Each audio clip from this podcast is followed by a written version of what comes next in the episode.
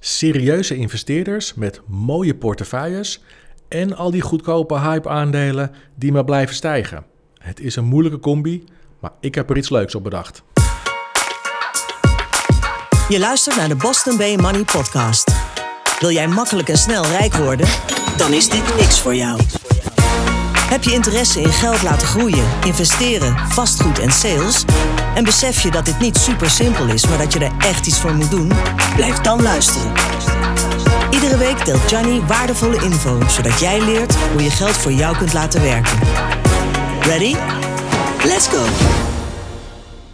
Tof dat jullie allemaal weer luisteren. Ik ben er weer. Ik was even uit de lucht, ingesneeuwd, zoals uh, velen van ons. Dat werd dus een, uh, een paar dagen thuiswerken. Geen probleem, maar ik ben wel weer blij dat ik uh, naar kantoor kan. En het, ja, het is nou eenmaal zo. Thuis heb ik geen, geen apparatuur om de, om de podcast op te nemen. Dus we moesten het eventjes zonder doen. Anyway, lekker weertje, lekker gewandeld, prima dagen gehad.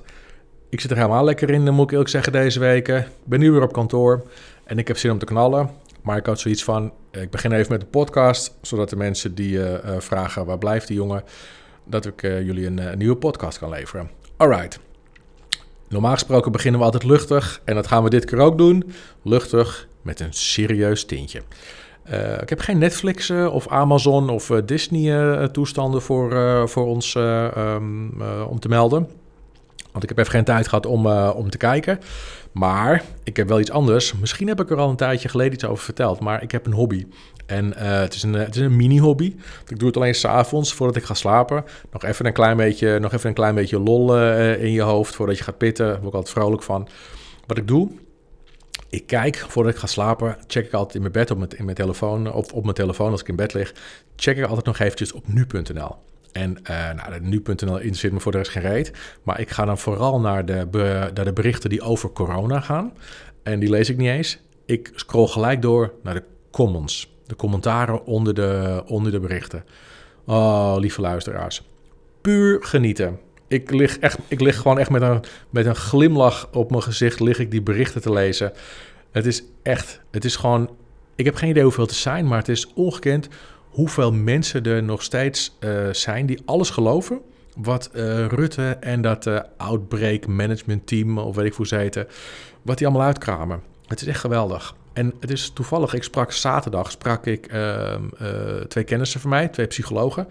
En zij hadden wel een mooie theorie die daar wel mooi op, op aansluit. En daarom lees ik het nu ook met een, ja, nog wel met een glimlach op, op mijn gezicht, maar ik vind het ook een beetje, een beetje zielig. En dit is wat zij, uh, want dit is wat zij, wat zij mij vertelden. Overigens, uh, lieve luisteraars, vergis je niet. Er staat echt een leger aan mensen klaar voor geestelijke bijstand. Dat is wel echt super triest. En dat heeft voor een heel groot gedeelte met, uh, met corona te maken. Maar anyway, zij, uh, zij vertelde me dus, die, die, die twee psychologen, die vertelden mij dat in het begin van, van, de, van corona, toen alles nog vrij onbekend was, dat er een hele grote groep mensen was die heilig geloofden wat er in de media verscheen. En uh, dat kwam voort uit een vorm van angst. Angst voor het onbekende. Nou, kan ik me wel iets bij voorstellen, toch? Is, is op zich niet gek. Uh, maar wat je zag bij die groep is, wat, is dat uh, ze ook heel fel waren op mensen met een andere mening. Die werden, als je er een beetje kritisch dacht. Nou, we kennen allemaal nog wel Duitse Kroes die af en toe wat riep op Instagram. Van dat ze twijfelden. Katja Schuurman die, die roept wel eens iets. Nou goed, zo zijn nog meer mensen die ook minder bekende mensen. Die wel eens wat roepen. Ik roep ook wel eens iets. En uh, voor het gemak werden wij eigenlijk door die, door die groep, door die, zeg maar, die, die eerste groep, uh, ja, vooral bange mensen, werden, werden de, de mensen met een andere mening weggezet als gekkies. Later uh, kregen die, die groepen een kleine promotie, want we gingen van gekkies naar wappies. En dat voelde veilig de mensen die, die bang waren voor corona en die um, ja, ja, niet zoveel tijd wilden steken in het, in het zelf onderzoeken, maar die gewoon liever um, ja, geloofden wat er, wat er in de media verscheen en wat, wat Rutte, et cetera, uh, vertelde. Die, dat voelde veilig voor hun om, om andere mensen met een, mening, met een andere mening uh, weg te zetten als wappies. Dat voelt veilig. Dat snap ik ook wel. Maar uh, wat je nu veel ziet, althans wat ik begreep van deze twee uh, psychologen, wat je nu veel ziet is dat die eerste groep mensen, die dus in eerste instantie doodsbang waren, dat bij hun begint nu door te dringen dat de mensen die zij wappies noemden, best wel veel dingen goed hebben voorspeld. En dat zorgt voor een nieuwe vorm van angst. Dacht ik, oké, hoe dan? Nou, wat ik begrijp is dat de, de, de, de, de angst voor jezelf begint nu, nu primair de overhand te nemen bij deze groep van, ja, hoe is het mogelijk dat, dat ik me zo makkelijk voor de gek heb laten houden? En wat zegt het over mij als mens? Ik vind het redelijk eh, heftig als je zo over jezelf gaat denken, maar ik begrijp wel een beetje de achterliggende gedachte. Want het gaat natuurlijk bij heel veel mensen, gaan nu de, de, de ogen steeds meer open. En dan ga ik niet zeggen dat corona een of andere scam is of een complot of weet ik veel wat. Maar het is voor veel mensen wel steeds duidelijker ja, dat, het, dat, het niet, dat, het, ja, dat we in het begin natuurlijk niet echt wisten wat het verhaal was. Maar dat inmiddels de, de, de maatregelen niet meer opwegen tegen wat het nou eigenlijk is een, griepvirus, wat bij sommige mensen heel heftig inkikt, maar wat bij 99% van de mensen ja, helemaal niks, niks veroorzaakt. En ja, er, er, gebeuren best wel heftige dingen om ons heen inmiddels, als je kijkt naar, uh, naar de maatregelen. En dat zien natuurlijk de mensen die in eerste instantie heel bang waren, die zien het nu ook. En denken ze, ja, fuck, dat ik dat, niet, dat ik dat niet zelf heb kunnen bedenken. Dus ik, ik dacht wel van zo, wat, eh, wat, een, uh, een heftig verhaal. En het schijnt dus dat, dat deze vorm van angst nog veel dieper zit dan de angst voor het virus. Dus, dus die confrontatie met jezelf, dat het nog veel diepere gevoelens opwekt dan de, angst die, die deze groep in eerste instantie voor het virus had. Dus ik ben benieuwd, man. Ik uh, vraag me af wat, uh, wat dit voor consequenties heeft als het zometeen wel weer open gaat. En uh, een heel groot gedeelte van de bevolking geestelijk niet helemaal meer waterpas staat. Het, het, zijn, het zijn bizarre tijden. Ik moet heel eerlijk zeggen, ik heb helemaal geen idee of deze theorie klopt. En ik ben ook niet van plan om er heel veel tijd en energie in te steken om het te onderzoeken. Maar ik vond het wel geestig om het met jullie te, te delen. Want misschien herkennen jullie het in, in jullie eigen omgeving ook wel. Wat we wel moeten doen, is ehm, de mensen die uh, uh, mij ook onder andere en heel veel andere mensen. Ehm, eh, we, we zijn natuurlijk wappies genoemd en dat is oké. Ehm, nu komen die mensen die ons wappies noemden er langzaam maar zeker achter dat, hm, dat er misschien hetgeen zij geloofden ook niet helemaal klopt. We moeten wel lief zijn voor die groep. Helemaal nu we, althans nu ik dus weet dat ze ja, dat er ook een bepaalde vorm van angst in die mensen zit. Laten we wel gewoon lief zijn voor ze. En um, ze hoeven niet met ons eens te zijn. We, zijn, we hebben ook extreme vormen van, uh, van wapisme, zou ik maar zeggen. Je hebt mensen die echt denken dat het een van een complot is.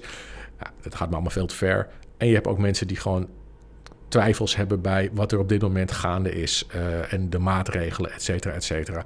Nou, die groep, daar hoor ik ook bij. Laten we, laten we lief blijven voor de mensen die nu langzaam maar zeker terugkeren in de realiteit. Want er zit ook een verhaal aan hun kant achter. Alright. Um, en laten we eigenlijk gewoon heel simpel denken. Dat doe ik ook. Ik moet er altijd wel een beetje om lachen als mensen zeggen: ja, die lockdown, ik vind het wel een goed idee en uh, bla bla bla. In een notendop, ik denk dat mensen die fan zijn van de lockdown gewoon mensen zijn met een kutbaan. En die mensen die willen niet terug naar hun saaie kutbaantjes. En die genieten van hun tijdelijke vrijheid. Want ze worden niet meer gemonitord, ze werken thuis. Ze kunnen eigenlijk doen waar ze zin in hebben. En gelijk hebben ze. Als ik een klotenbaantje zou hebben, dan zou ik ook genieten van deze periode. Corona, de lockdown, het zou me niet lang genoeg kunnen duren. Want voor je het weet zit je weer achter je bureau of waar je dan ook zit... met je collega's die je ook uh, amper kan, kunt luchten. Dus dezelfde suffe verhalen aan het horen. En je manager die weer verschrikkelijk druk en interessant loopt te doen. Dat moet je ook allemaal ondergaan. Dus ik kan me voorstellen dat die mensen die nu zeggen van... nou, die lockdown, ik, het kan maar niet lang genoeg duren, streng zijn, bla bla. De meeste mensen hebben gewoon een kutbaan. En die vinden dit allemaal wel prima dit. En dat begrijp ik heel erg goed. Dus laten we lief zijn voor die mensen. It's all good. We hebben allemaal onze eigen redenen om wel of niet uh, fan te zijn van een lockdown. Laten we gewoon lekker relaxed blijven. Anyway, we hebben geen invloed op het gedrag van andere mensen. We hebben geen invloed op, of althans weinig invloed. We hebben geen invloed op het gedrag van Rutte en het management outbreak team, of weet ik hoe ze allemaal heten, outbreak management team. Lekker laten vieren. Het enige waar wij wel invloed op hebben, althans gerelateerd aan deze podcast, is geld verdienen. Geld verdienen, lieve mensen. Wij horen bij de groep die als corona afgelopen is, kunnen zeggen: we zijn er rijker en slimmer uitgekomen dan dat we erin gingen. En in dat kader, wat was het weer een week hè, op de beurs? Holy shit. Alles ging lekker omhoog. De hype-aandelen, want die heb je tegenwoordig massaal, die gingen als een malle ik zit natuurlijk geregeld te praten met andere investeerders. En dat doen we in onze community. Uh, dat doe ik ook uh, los van de community met mensen met wie ik al langer af en toe spar over, over investeren. En ik denk wel, het is inmiddels officieel. Ook als ik hoor aan de andere kant van het water mijn, mijn kennissen in, in Amerika, die daar ook geregeld naar kijken. Het is officieel, mensen. Dingen als onderliggende waarden, winstcijfers, outlook, schuldposities, analyses, concurrentie. Het maakt allemaal geen reet meer uit. Zolang een aandeel onder de 5 dollar is en het zich bezighoudt met clean energy, elektrische auto's of wiet, marihuana slash wiet, dan gaat hij gewoon stijgen. Dan stijgt hij. Heel simpel. En dat heeft maar één reden. Er zijn super veel mensen zonder kennis met kleine budgetten op dit moment op de beurs. En die gaan los. Want aandelen zijn ineens sexy, hip en snel. Dat is tof.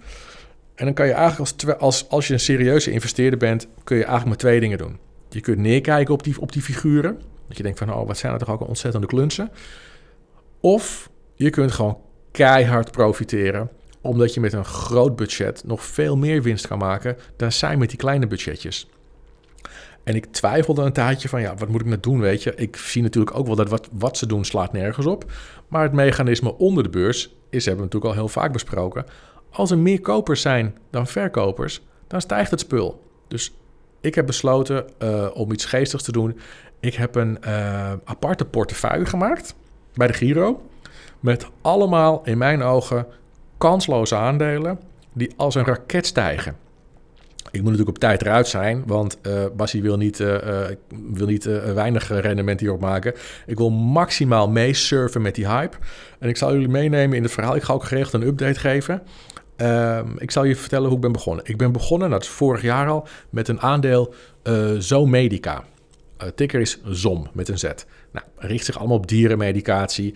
Zomedica is een heel geestig aandeel. Verdienen 0 euro die gasten. En uh, ze zitten steeds in die trial fases, want het is farmacie, maar dan voor dieren. Ze hebben nooit poen, dus wat ze doen, ze geven steeds nieuwe aandelen uit.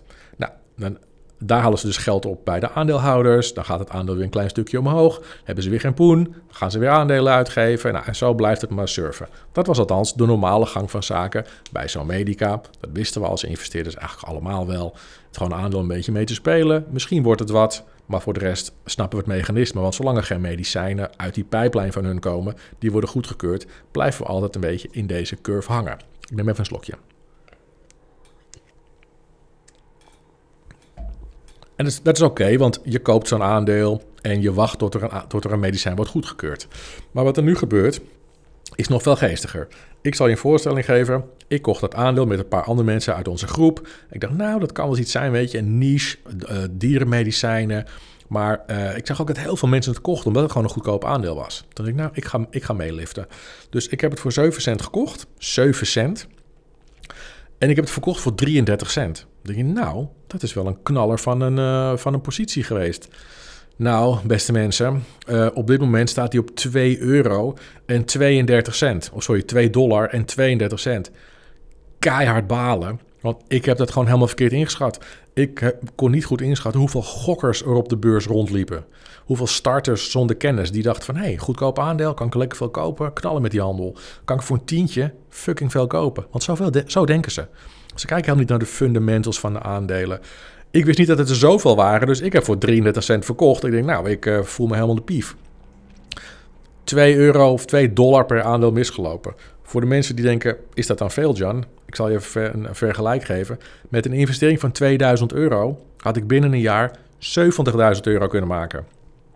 Dat is gewoon een toffe nieuwe Range Rover. Met, met een investering van 2000 euro in een vaag aandeel. Maar goed, uh, niet te lang over nadenken. Celavi.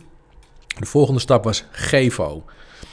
Gevo is een bedrijf wat op papier een, uh, een soort uh, liquid heeft, heeft bedacht. Het bestaat nog niet echt, maar het is een soort liquid, vloeistof. Dat als je dat in een, een druppel in een tank diesel gooit, dan zou de uitstoot, de emissie, zou, nul, zou helemaal neutraal zijn.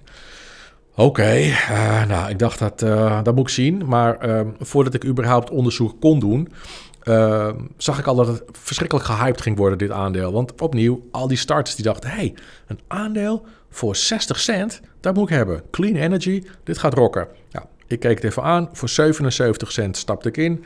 En ik verkocht het eigenlijk voor 9 dollar. Ik denk, wat? Nou, ik had er nog veel langer in kunnen zitten, maar we moeten niet gek doen. Ik dacht, dit is een mooie winst.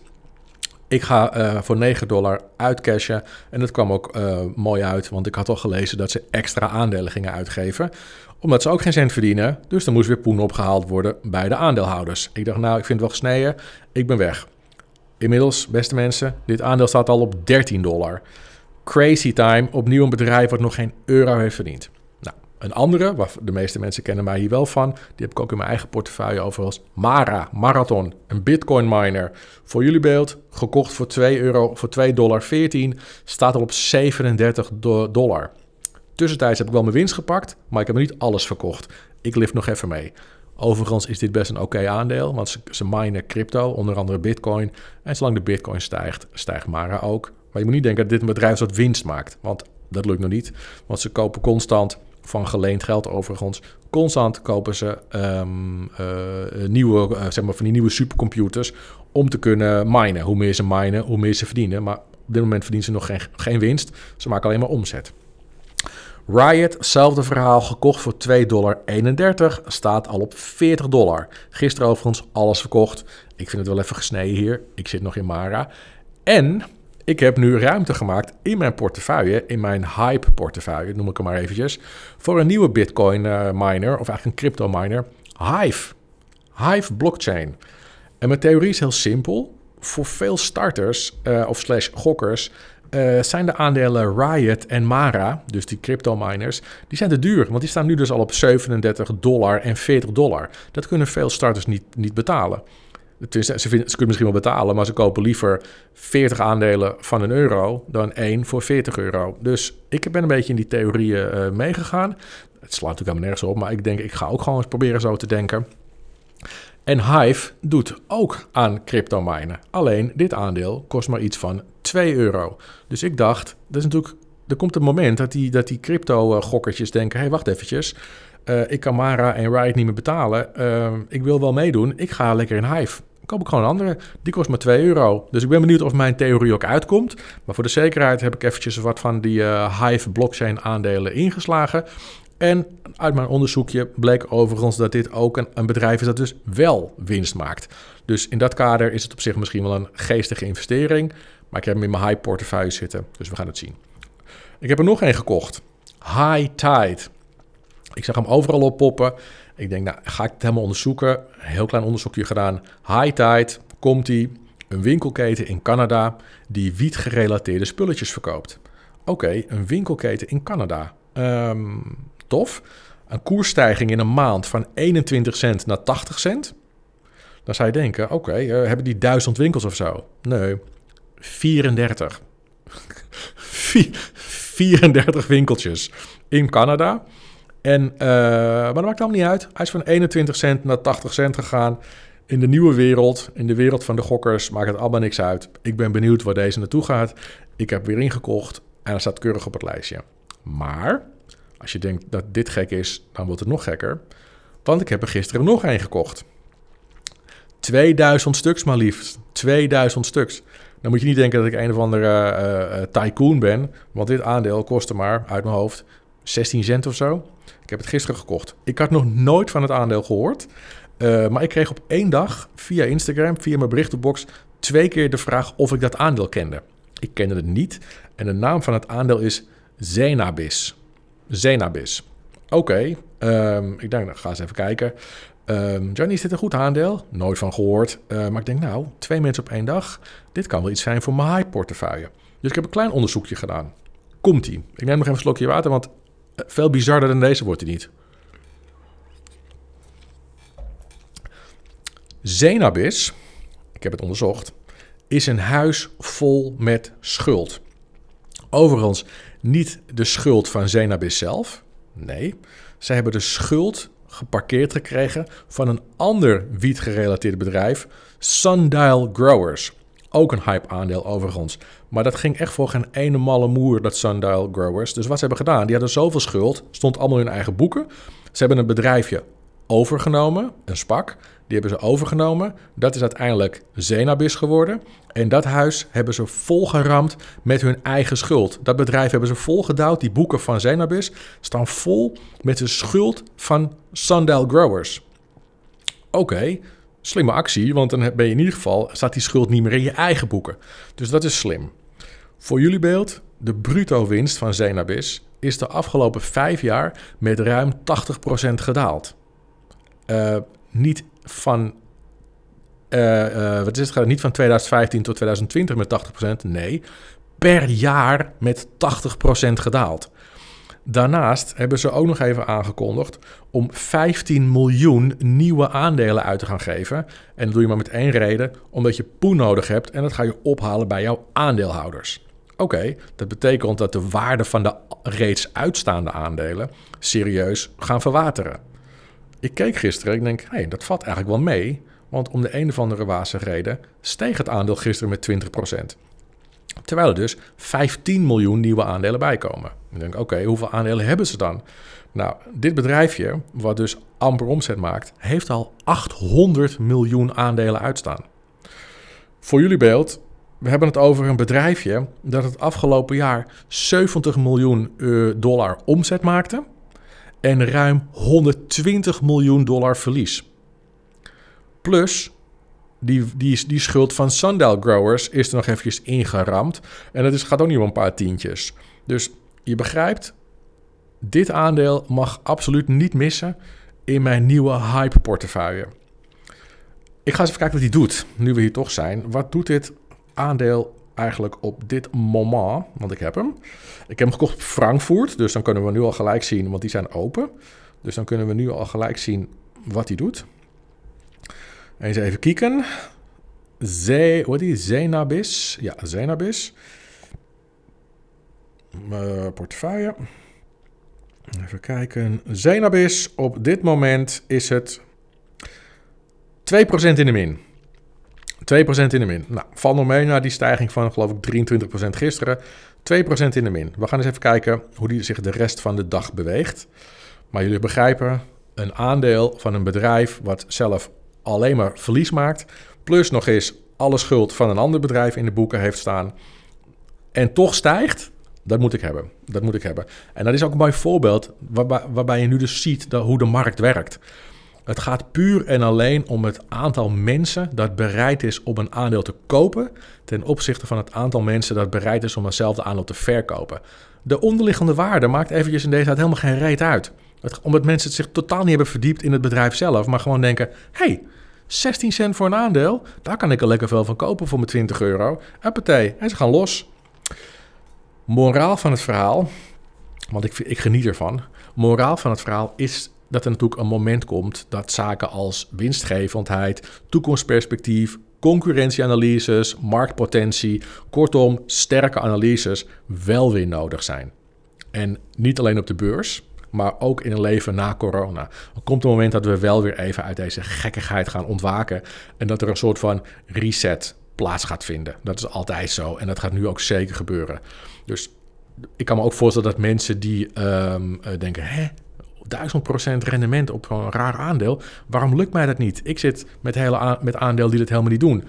Laat je niet gek maken door die enorme winsten die je om je heen hoort. Want ze zijn meestal van mensen die minder dan een jaar op de beurs rondlopen.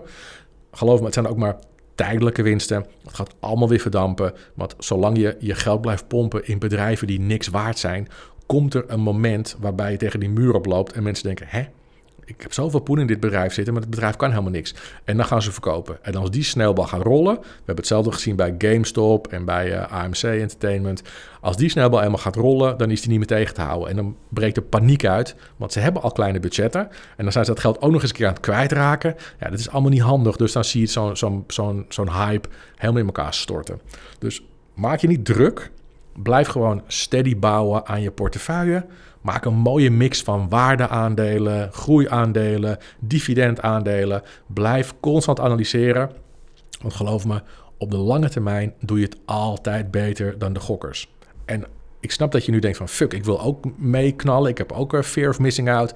Probeer het te onderdrukken, want zodra je je emotie mee laat wegen in je beslissingen, met name als het om geld gaat, dan ga je bijna altijd nat. Dat moet dus echt een van de belangrijkste, echt een van de key ingrediënten als je gaat investeren, met name in aandelen. Probeer je emoties uit te schakelen. Het gaat om geld, het gaat om analyses, het gaat om bedrijven die sterke fundamenten hebben. En dat zijn de bedrijven en de aandelen die jou op de lange termijn geld gaan opleveren. En die mooie rendementen voor je gaan, uh, uh, gaan bewerkstelligen. Die kleine golf van de hype aandeeltjes is nu geestig. Doe me, bij wijze van spreken met max 10% van je portefeuille, met je van je budget. Max 10% van je budget pomp je dat soort waanzin. Misschien kan je af en toe nog uitstappen en de winsten weer investeren in, uh, in mooie sterke aandelen. Dat zou een tactiek kunnen zijn. Maar laat je niet gek maken, want dat zou echt zonde zijn. Want er komt een moment dat er een soort van ja, inkeer intreedt waarbij die gokkers stuk voor stuk naar beneden vallen. En het is niet leuk voor ze, maar het gaat wel gebeuren omdat het altijd is gebeurd. Anyway, in een nutshell, leuk om een keer mee te spelen met dit soort, met dit soort grapjes. Lief zijn voor de mensen die ja, nu denken van fuck, ik heb me een klein beetje in de zeik laten nemen door, door de media en, en, de, en de hype en, en de angst rond corona. Lief zijn voor die mensen. We zaten niet vanaf het begin allemaal hetzelfde in. En very important, excuses, very important, onthoud deze. Aandelen zijn niet sexy. Aandelen zijn niet hip. Aandelen gaan niet als een raket de lucht in. Het gaat om de lange termijn. En geen enkele serieuze investeerder gaat jou wijsmaken dat het anders is. Oké, bedankt voor het luisteren. We gaan sowieso weer op naar de volgende. Maar voordat we afsluiten wil ik nog iets aan jullie uh, doorgeven. Uh, ik heb een uh, beetje prikkeltje in mijn keel de hele tijd. Maar goed, ik wil je nog iets, nog iets meegeven. De money workshops zijn allemaal uitverkocht. Uh, dat is, ja, voor mij is dat natuurlijk prima. Maar ik vind het ook sneu. Dus ik heb zitten denken, want ik ga in maart echt geen money workshops geven. Dus ik heb zitten denken, ik wil er in de laatste week van februari nog wel een extra editie bij zetten. Is misschien ook handig. Hebben veel mensen hun salaris gehad en die misschien twijfelden. Nou, dan zou je dus in de laatste week van februari nog een money workshop kunnen volgen. Zoals altijd, max 10 tickets. Als je mee wil doen, of als het je interessant lijkt, stuur me even een berichtje. info at Dan weet ik dat je, dat je mee wil doen. Weet ik dat er genoeg animo is. Ik ga het ook nog via LinkedIn en Instagram communiceren. via LinkedIn en Instagram communiceren. Um, over Instagram gesproken. Uh, ik heb mijn naam aangepast van uh, Boston Bay underscore money management naar Boston Bay underscore aandelen. Veel mensen dachten dat ik een Amerikaanse site uh, was en gingen me daarom niet volgen. Sinds ik het in aandelen heb veranderd, ben ik veel makkelijker te, te vinden. Dus als je me wil volgen op Instagram, Boston Bay underscore aandelen. LinkedIn, same old, Gianni Amato, stuur me een connectieverzoek en ik accepteer hem. Dit is hem echt jongens en dames. Ik wil jullie bedanken voor het luisteren. It's all good in the hood. Laat je niet gek maken. Lief zijn voor elkaar. En een klein beetje gok is niet erg, maar niet vol erin met je hele investeringsbudget. Tot de volgende. Hoi!